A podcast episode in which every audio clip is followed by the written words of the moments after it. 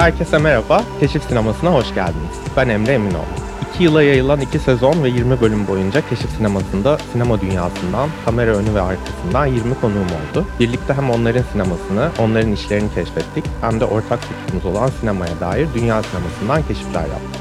Bu Keşif Sineması'nın 3. sezonunun ilk bölümü. Sohbetimizin akışında ve keşif rotamızda ufak değişiklikler olduğunu fark edeceksiniz ama sinemaya ve keşfetmeye olan tutkumuzun sabit kaldığına söz veriyorum. Bugünkü konuğum son birkaç aydır adını çok duyduğunuz bir filmin sanki her şey biraz felaketin yönetmen ve senaristi Umut Subaşı. Umut Ankara doğumlu, sinema eğitimini ise İzmir 9 Eylül Üniversitesi'nde tamamlamış.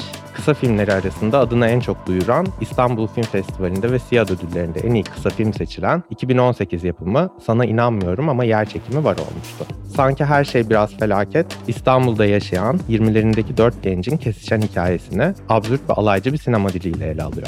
Film Rotterdam Film Festivali'ndeki dünya premierinin ardından Türkiye'deki ilk gösterimini mansiyon ödülü kazandığı İstanbul Film Festivali'nde yaptı. Ardından bu yaz önce Ayvalık Film Festivali'nin tek ödülü olan ve bu yıl yeni bir senarist adıyla verilen ödüle uzandı. Sonra da Adana Altın Koza Film Festivali'nde en iyi film dahil 4 ödül kazandı.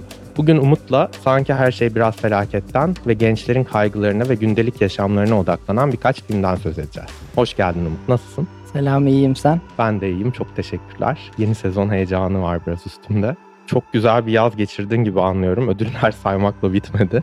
Güzeldi, güzeldi diyeyim ben de. Sanki her şey biraz felakette çok sevdiğimi biliyorsun. Çok söyledim sana da, etrafımdakilere de çok söyledim ama kayıt altına da geçmiş olsun. Benim filmle ilgili söyleyebileceğim, bana hissettirdiğini ya da düşündürdüğünü söyleyebileceğim ilk şey aslında şu. Ben bu filme iki izleyişimde de çok güldüm. Sonra da bunu sorguladım aslında. Ben bu filme neden gülüyorum diye. Bunu sana da sorabilirim belki. Yani izleyici bu filme neden gülüyor? Yani izleyici bu filme gülüyor, izleyici bu filme ağlıyor, izleyici bu filmi çok seviyor, izleyici bu filmden nefret ediyor. Harika şeyler oluyor. Bunların hepsi bence çok güzel. Valla niye gülüyorsun? Herhalde senin beyninde de bazı benimki gibi bazı yerlere dokunuyor film. Çünkü bence aslında direkt olarak seyirciyi güldürmek için yapılmış bir film değil. Ama bazı şeyleri de çok tanıdık geldiği için komik. Dolayısıyla bu filmin mizahi yanının da kuvvetli olması doğal geliyor bana açıkçası. Yani şey de diyemem hani tamam komik o, olsun diye yapılmadı ama hani, hani niye gülüyorsunuz bu filme de demiyorum elbette. Peki şeyi de merak ediyorum aslında. Hani film düşünürsen Güney Amerika'dan Güney Kore'ye, işte Rotterdam'dan Adana'ya bir sürü çok farklı yerlerde gösterildi aslında. Oradaki tepkiler de aynı mı oluyor? Yani hani insanlar benzer yerlerde mi kahkaha atıyor? Filmi anlıyorlar mı? Benim Türkiye'de anladığım gibi. Valla orada da çok çeşitli aslında. Ama o şeyden şeye değişiyor. Mesela aynı şehirde yapılan iki gösterimde bile seyircinin reaksiyon verdiği yerler farklı olabiliyor. Dünyanın birçok yerinde de aslında bu açıdan baktığımız zaman çok çeşitlilik var. Ama temelde filmin anlaşıldığını düşünüyorum. Farklı farklı kültürlerde olsa bile bir ortak bir şey bulunuyor bence filmde. Ama dediğim gibi orada da yani filmde hüzünlenenler var. Özellikle Güney Amerika'da gösterildi ama Güney Amerika'da olmayan gösterimlerimizde de Güney Amerika Latinolar her yerde olduğu için. E, onlar mesela özellikle filmin gençlerin yaşadığı ekonomik problemleri falan onları birebir yaşadığı için onları o açıdan o, o kısmından direkt yakalıyorlar filmi. Ama onun dışında bence bunun çok tabii ki burayla ilgili, buradaki gençlerle ilgili ama çok evrensel bir şeyi de yansıttığını düşünüyorum. O yüzden filmin bir yurt dışında anlaşılmama problemiyle karşılaşmadım. Ama tabii ki orada da sevenler var, sevmeyenler var. Bu filme karşı olan işte tepkilerle, gülmelerle, ağlamalarla başladık. Benim aklıma direkt şey geliyor. Ayvalık'taki gösterimde soru cevapta orta yaşlı bir kadın izleyici sana ağlayarak bir soru sormuştu. İşte filmden çok etkilendiğini, film boyunca ağladığını, işte kendisinin de 20'li yaşlarda bir çocuğu olduğunu. Ben mesela o gösterimden çıktığımda bundan çok etkilenmiştim. Çünkü şeyi fark ettim aslında. Dedim ya sana ben bu filme neden gülüyorum diye sorguladım. O sorgulamanın cevabını biraz o kadın sayesinde de buldum aslında. Çünkü yani ben de çok benzer şeyler yaşıyorum ve bu benzer şeyler yaşadığım zaman bunlarla belki yüzleşmekten kaçıyorum ve bunu kahkahayla bastırıyorum ya da işte mizaha vurarak bastırıyorum. Ülkede olan politik şeylerde de, de çoğu zaman Twitter'da dönen hemen mizahını yapma refleksi oluştu ya artık. Onun gibi bir şey belki. Ben belki o yüzden gülüyorum ama belki benim annem bunu izlediğinde benim çocuğum nasıl bir Türkiye'de büyüdü, kendi hayatını yaşamaktansa ne kaygılar çekiyor diye o izleyici gibi ağlayabilir belki. Bu çok büyüleyici bir şey bence. Teşekkür ederim. Benim aslında yani filmin mizahi yanının olması da zaten tam olarak bununla ilgili. Yani hani benim böyle bir film yapmam benim de olan bir tane başa çıkabilme refleksi olarak mizahı kullanmamdan dolayı. Dolayısıyla evet sende de yansımasının böyle olması normal ama bir, bir bilmiyorum yani belki şeyi bile etkiliyor olabilir biliyor musun? İzlediğin gün o zamanki halin bile çünkü ya film o alanı veriyor seyirciye. Belki bambaşka bir gün izleseydin belki sen de direkt o kanaldan devam edecektin. O da olabilir. Ama tabii şey daha tabii jenerasyon olarak senin için de çok yakın ve anlatılan şeyler çok senin için tanıdık. Hı hı. Dolayısıyla senin de aslında yönetmenin yarattığı tona daha yakın olman da normal. Ama ben o şeyi hep istiyorum yani. O işte o ağlayanlarla gülenler o salonda birlikte olsunlar. O benim için gerçekten güzel ve şey yani. Bence filmle ilgili en ilginç şey o. Yani bu kadar ayrı şeyin ayrı ayrı seyircide farklı farklı şeyler hissettiriyor olması. Filmle ilgili çok hoşuma giden başka bir şey de filmin içindeki döngüsellik ve denge. İşte iki kadın iki erkek karakter olması, ağlamakla gülmenin dengesi ya da ağlatmakla güldürmenin dengesi, mizahla trajedinin dengesi. Hatta filmde böyle trajikomik bir şekilde dönüp dolaşan bir para var ve orada da bir döngüsellik var. Bu matematik üstüne nasıl çalıştın ve ne kadar çalıştın? Senaryo yazımının benim için en uzun süren kısmı o yapıyı kurmak. O yapıyı kurmakla evet çok mesai harcadım. Ya bunun tam şeyini kestiremiyorum çünkü benim şeyde böyle bir hani bugün başladım bu bit, bittiği gün az çok belli oluyor da başladığı gün biraz muğlak. O seneler aslında süren bir şey belki de. Ama o dediğin yapıyı kurmak, o o dengeyi sağlamak benim için çok önemliydi. O yüzden en uzun mesai harcadığım kısmı bu oldu senaryonun. Diyalogları mesela ben en son yazdım yani sahneler her şey belli olduktan sonra bir de onu yaparken tabii karakterlerini de iyice tanıyorsun, iyice hakim oluyorsun. Onları tek bir ağızdan konuşturmamak için onları iyi tanımak, iyi bilmek iyi oluyor. Süre olarak valla bir herhalde bir, bir buçuk, bir seneyle bir seneyi bu yapıyı kurmak için harcamışımdır sanırım. Bir de şey de çok ilginç yani filmde dört tane karakter var. Bunların hiçbiri başrol değil, bunların hiçbiri yardımcı rol değil. Hepsi tek bir bütün oluşturuyorlar ve onların arasındaki sahne dengesi, işte yaşadıkları kötü şeylerle iyi şeylerin dengesi de bence güldürdükleri sahnelerle ağladıkları şeylerin dengesi de çok iyi. Ve hani onlarla tanıştığımız anların ağlama krizleriyle olması filmin en başında filmin mizahını çok güzel özetliyor. Çünkü ağlayan birine normalde etkilenip sen de üzülürsün ama filmdeki belki müziğin de etkisiyle ben o ağlayanları gördüğüm anda kahkahalar atmaya başladım her seferinde. Ya o benim için şey açısından güzeldi. Filmin başında oluyor bu. Seyirciyle peşin peşin bir anlaşma. Bakın bu film öyle bir film değil ya da bu film başka bir film. Orada mesela sen gülmüşsün oraya gülmeyenler var ama şey var orada tabii en azından ya bu çocuklarla ağlamıyoruzu çok net bir şekilde baştan veriyor. Filmin tonunu bence iyi veriyor. Bu bahsettiğin denge ve şey konusunda da şunu söyleyebilirim. Tabii benim yönetmen olarak bir karakterlerle seyirci arasında bir koymak istediğim bir mesafe var. Bu bahsettiğin sahnelerin dengesi, sayısı vesairesi bunlar için çok önemliydi benim için. Yani bunları zaten sağlayabildiğin zaman o istediğim özdeşliğin kesildiği ve seyircinin karakterlere bir mesafede durduğu yeri sağlayabilirdim ancak bunu yaparsam. Ve evet bu şeydi yani böyle hani doğalında gelişip aa dördüne de eşit süre vermişim dördüne de olmuş gibi değil tabii ki çok Hı hı. planlı hatta fazla belki planlı bir çalışmanın ürünüydüm. Filmin bu esas olay örgüsü arasında belki o dediğin mesafeyi de sağlayan absürt kısımlar var. O esas olay örgüsüyle bu kısımlar arasındaki biçimsel farklılıklara birazdan geçeriz ama şeye gitmek istiyorum biraz. Bu sahnelerin hepsi bugün de aynı dün diye bir dış sesle başlıyor ve gazetelerden ya da işte haber bültenlerinden böyle parçalar okuyor bize. Bunların içinde işte yok olan göllerden bahsediliyor, intihar eden gençlerden bahsediliyor, haber yasaklarından bahsediliyor. 20'li yaşlarda bir genç olarak Türkiye'de hayatta kalmak bile politik bir eylem diyebilir miyiz? Ah. deriz, deriz, deriz. Yani maalesef herhalde dünyanın hiçbir yerinde bu kadar gençler politikayla ister istemez ilgili olmamıştır herhalde. Yani bu sen hani ben ilgilenmiyorum desen bile o senin hayatının bir parçası. Ben de bunu bazen bu filmi şey açısından eleştiriyorlar işte politik olarak bir şey söylemiyor etmiyor. Bence söylüyor. Yani sadece insanların alıştığı gibi bodozlama bir yerden yapmıyor bunu. Yoksa ya tabii ki bu dört gencin bir olan bitenden, politikadan, ekonomiden bağımsız da dertleri var. Ama bunların hepsi diğer şeylerle de birlikte olduğu zaman hissedilen bir karamsarlık, mutsuzluk hali var. O yüzden senin sıraladığın şeyler de aslında film içinde küçük ama bence genel çerçeveden baktığın zaman önemli detaylar. Peki bu detayların biçimsel kısmına şimdi geçebiliriz bence. İşte hepsi sahil yolunda geçen bir tane padişah kostümlü adam, bir tane bebek arabalı kadın var. Bunlarla bir şekilde oynuyorsun görsel olarak ve bir noktadan sonra absürt bir boyut kazanmış oluyor. Gördüğümüz ve işittiğimiz şeylerin alakasızlığı belki.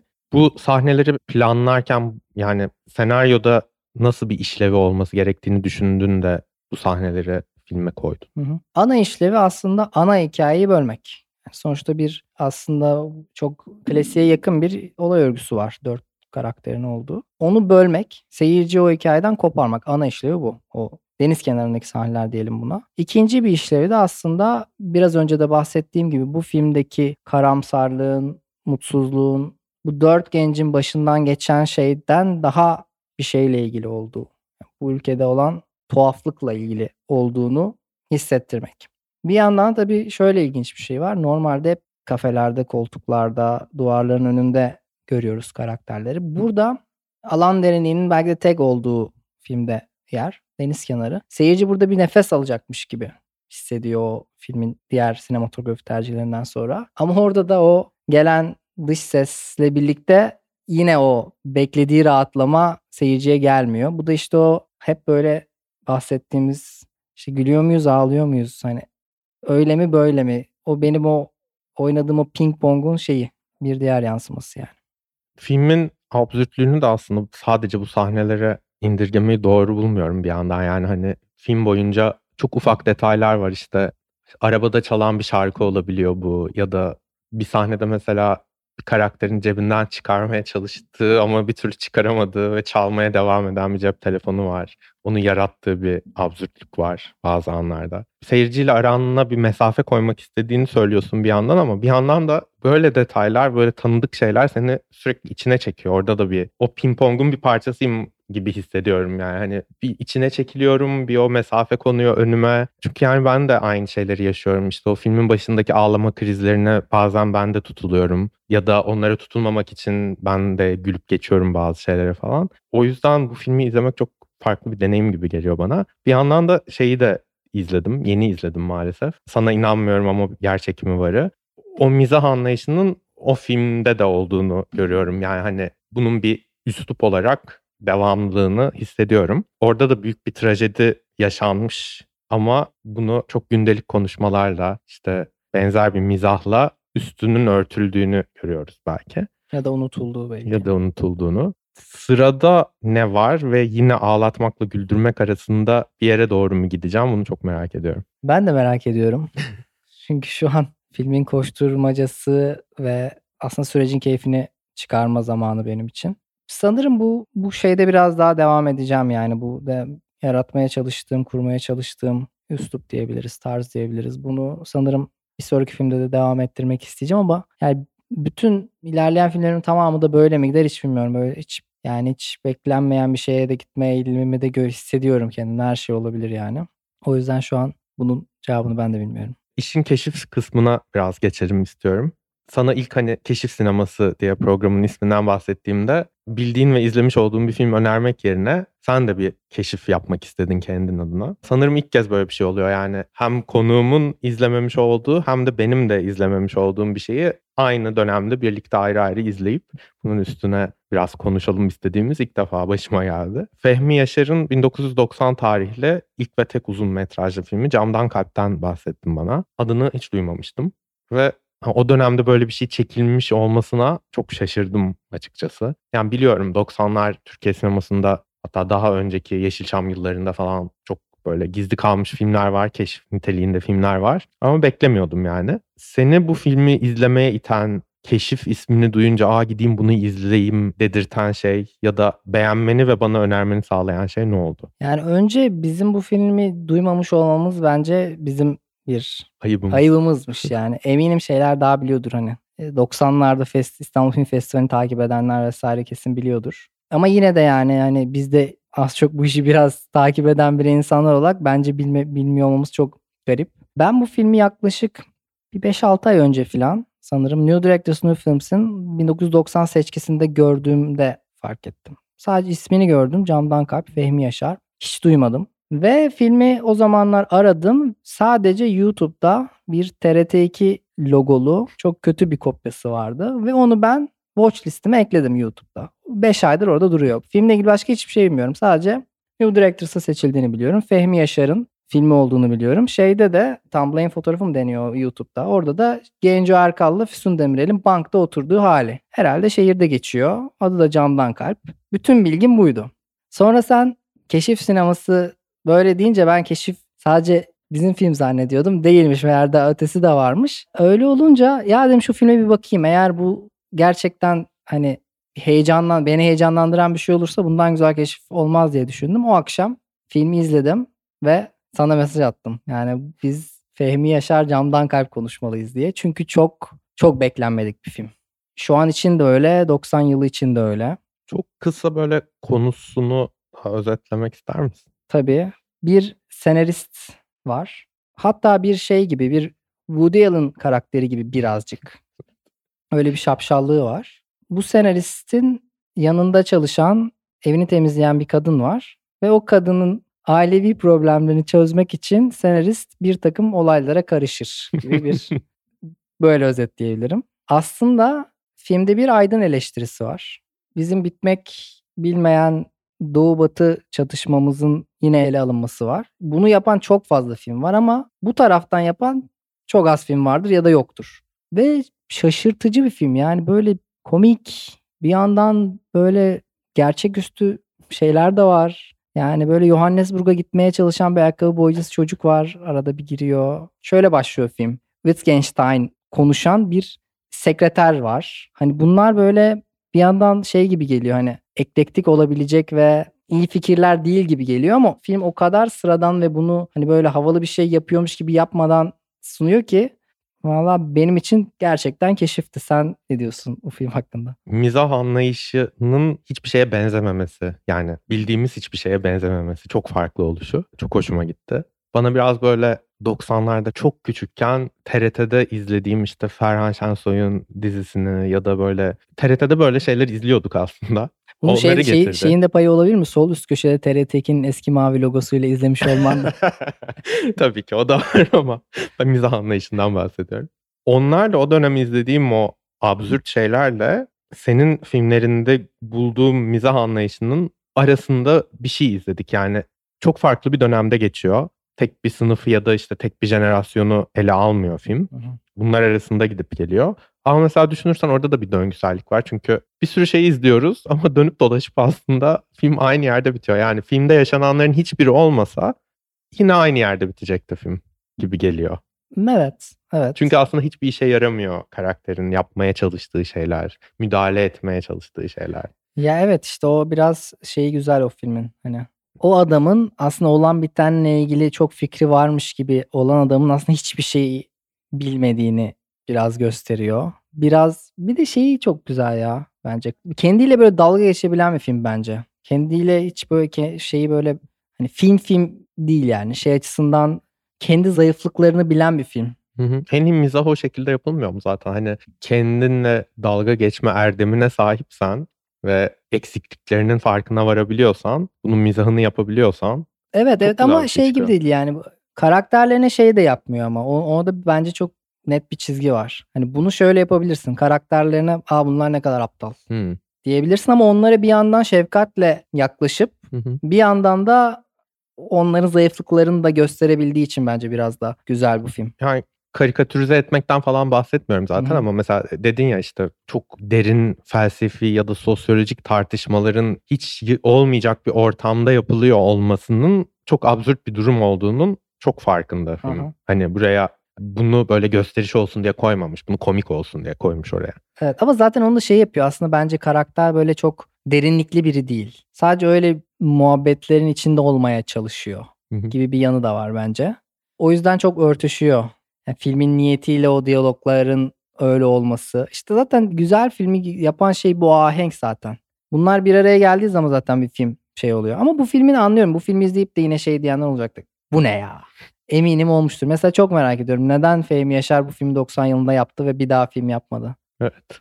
Ben de çok merak ediyorum. Bir de yani e, işte İstanbul Film Festivali'nde Altın Koza'da falan ödüller almış, Evet. gösterilmiş. Evet. Bayağı izleyiciyle buluşmuş öyle Evet. gömülmüş kalmış değil bir yerlerde. Yo, yani. muhtemelen bizden daha fazla yaş almış olan şeylerimiz ya bu mu keşif biz bunu biliyoruz falan diyeceklerdir. Ama keşke daha fazla dillendirseler. Hı hı. Çünkü bence bu filmde bir restorasyonu hak ediyor yani.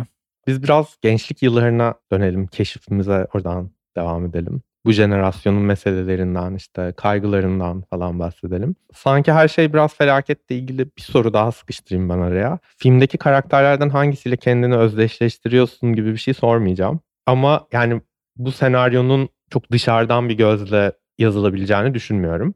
O yüzden senden bir şeyler olduğunu çok farkındayım filmin içinde. Seninle ilgili en büyük parça ya da böyle direkt ben bunu yaşadım gibi bir anekdot var mı filmde? Yani kesin vardır.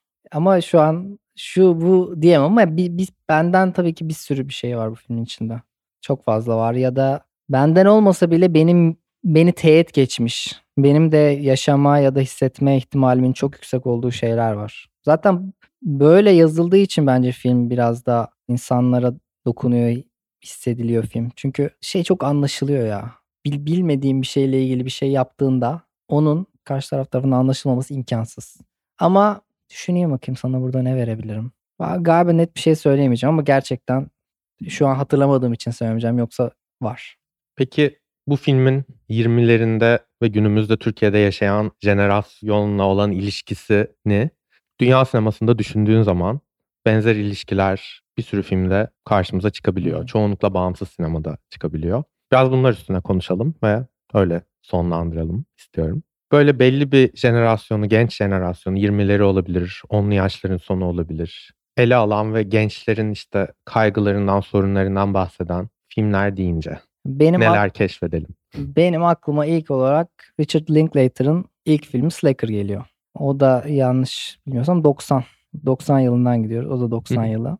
Orada böyle Texas'ta geçiyordu film. Bir grup gencin böyle bir gün yanlış hatırlamıyorum yine bir gününde böyle salınan bir bir film. Hiçbir dramatik yapısı yok. Hiçbir olay örgüsü yok. Sadece bir, bazen bir odada bazen park köşesinde bazen bir takside geçen sohbetlere tanık oluyoruz. Ve o dönemin işte muhtemelen lise son lisenin sonları ya da üniversite çağındaki Teksas'ta yaşayan gençlerin bir gününe onların neler yapıp neler düşündüğüne dair böyle bir izlenim elde edip filmden ayrılıyorduk. O filmi söyleyebilirim. İkinci bir film söyleyeceğim. O da Kids. Onun da aslında Slacker'dan etkilendiğini ben düşünüyorum. Çünkü o 95 yılı. Harmony Korine'in ilk senaristliği ve sinema dünyasında bomba gibi düştüğü film. O mesela daha o tam ortaokul lise çağıydı yanlış hatırlamıyorsam. O da o dönemle ilgili ve o böyle daha tabii daha daha hikaye filmiydi. Bazı şeyleri vardı işte cinsellik, uyuşturucu gibi gençlerin o zamanki bu, bu, bu şeyleri nasıl tecrübe ettiği, nasıl algıladığını yansıtıyordu. İlk iki bunlar geldi aklıma. Sana atayım pası. Üç olsun. Üç olsun mu? Üç. Üç de Haneke'nin çok bilinmeyen bir televizyon filmi var. Lemmings diye. Bu iki bölümlü bir film. Yani aslında bir dizi de sayılabilir. Birinci bölüm ve ikinci bölüm ama ben film olarak ele alıyorum. Galiba kendisi de film olarak ele alıyor bunları. Birinci bölümde İkinci Dünya Savaşı sonrası Almanya'daki İkinci Dünya Savaşı'nda hayatta olmayan ama annesi babası İkinci Dünya Savaşı'nı görmüş. Bir gençliğin o da bir portresini çiziyor gibi o filmde. Orada bir grup genç var. Çok fazla karakter var yine.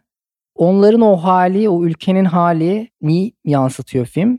Onların da bir yine Haneke'nin klasiği olarak bir şiddet şeyi var filmde. Şiddet teması var ama işte onu o olan biten o savaş, savaş sonrası onların annesi babasıyla olan ilişkisi vesaire onları çok iyi yansıttığını düşünüyorum. İkinci bölümü de filmin o gençlerin bir 10-15 sene sonra büyümüş hali. Ama ben birinci bölümünü daha çok beğeniyorum. Sen yine araya bir tane Avrupa sıkıştırmışsın ama ben artık ne kadar Amerikan eğitimine maruz kaldıysam çocukluğumda ya da Amerikan sinemasıyla nasıl büyüdüysem hep böyle aklıma Amerikan bağımsız sinemasından şeyler geldi benim de. Bir tanesi bu It Follows'un yönetmeni David Robert Mitchell'ın ilk filmi The Myth of the American Sleepover diye bir şey. Burada farklı yaşlarda ama çok birbirine yakın yaşlarda. İşte bir tanesi 13-14 yaşında galiba. Bir tanesi liseyi yeni bitirmek üzere. Bir tanesi de mezun olalı 1-2 sene olmuş liseden. Üç gencin cinselliği keşfetmesi, ya da işte böyle aşkı keşfetmesi üstüne böyle bir büyüme hikayesi aslında ama üç parçalı ve böyle hepsinin çok aynı dertleri olup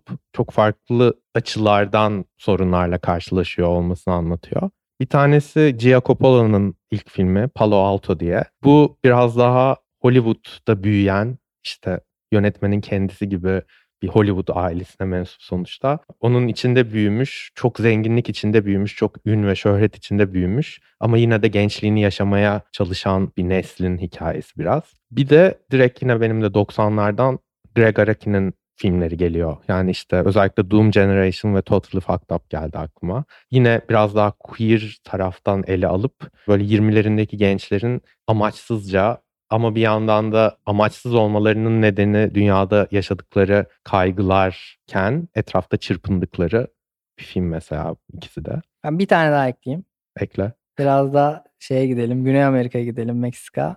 Buñuel'in Los Olvidados. O da Buñuel'in erken dönem filmlerinden sanırım o da 50-55 falan olabilir. New Mexico'daki sokak hayatı, oradaki çocuklar. Bunlar bu sefer daha da genç yani. Onu anlatan oradaki yani New Mexico'da ne oluyor, ne bitiyor, nasıl bir durum var sokakta. Oradaki bazı çocuklar neler yaşıyor çok etkileyici bir şekilde gösteren bir film. Bir yandan böyle yeni gerçekçi gibi ama bir yandan da tabii ki Buñuel olduğu için yine sürreal dokunuşların, çok beklenmedik sahnelerin olduğu o da çok güzel, çok sevdiğim bir film. Ya açıkçası bu filmlere baktığımda Türkiye'de yaşıyor olmanın, gençliğimizi işte Türkiye'de geçiriyor olmanın o gençlikten neler çaldığını biraz farkına varıyorum. Çünkü işte başta senle de konuştuk. İşte Türkiye'de benzer bir filmi politika ve ekonomi temelli sorunlara bağlamadan ya da toplumsal sorunlara bağlamadan bunları hatta en merkeze yerleştirmeden yapamıyorsun. Ama bu filmlere baktığında işte gençlerin aileleriyle sorunları, işte birbirleriyle ilişkileri, aşkı, cinselliği keşfetmeleri olması gerektiği gibi bu sorunlar daha çok merkezde. Hani politika, ekonomi, toplumsal meseleler tabii ki var ama hepsi böyle bir odak noktasında değil yani. Daha geri planda kalıyorlar. Belki yaşadıkları sorunların doğrudan nedeni değil de dolaylı yönden nedenleri oluyorlar. O yüzden mesela bunu düşünüp dünya sinemasındaki örneklerle Türkiye'de böyle bir film yapmanın farkını da biraz daha iyi anlayabiliyorum. Bu bölümün sonuna geldik. Bize içten içe ağlamakla başlayıp gülmeyi bilmeyerek biten bir film armağan ettiğin için teşekkür ediyorum. Konuk olduğun için de teşekkür ediyorum tabii. Ben teşekkür ederim davet ettiğin için. Önümüzdeki haftalarda yeni bir bölümde yeni konuğumla keşfetmeye devam edeceğiz. Hoşçakalın.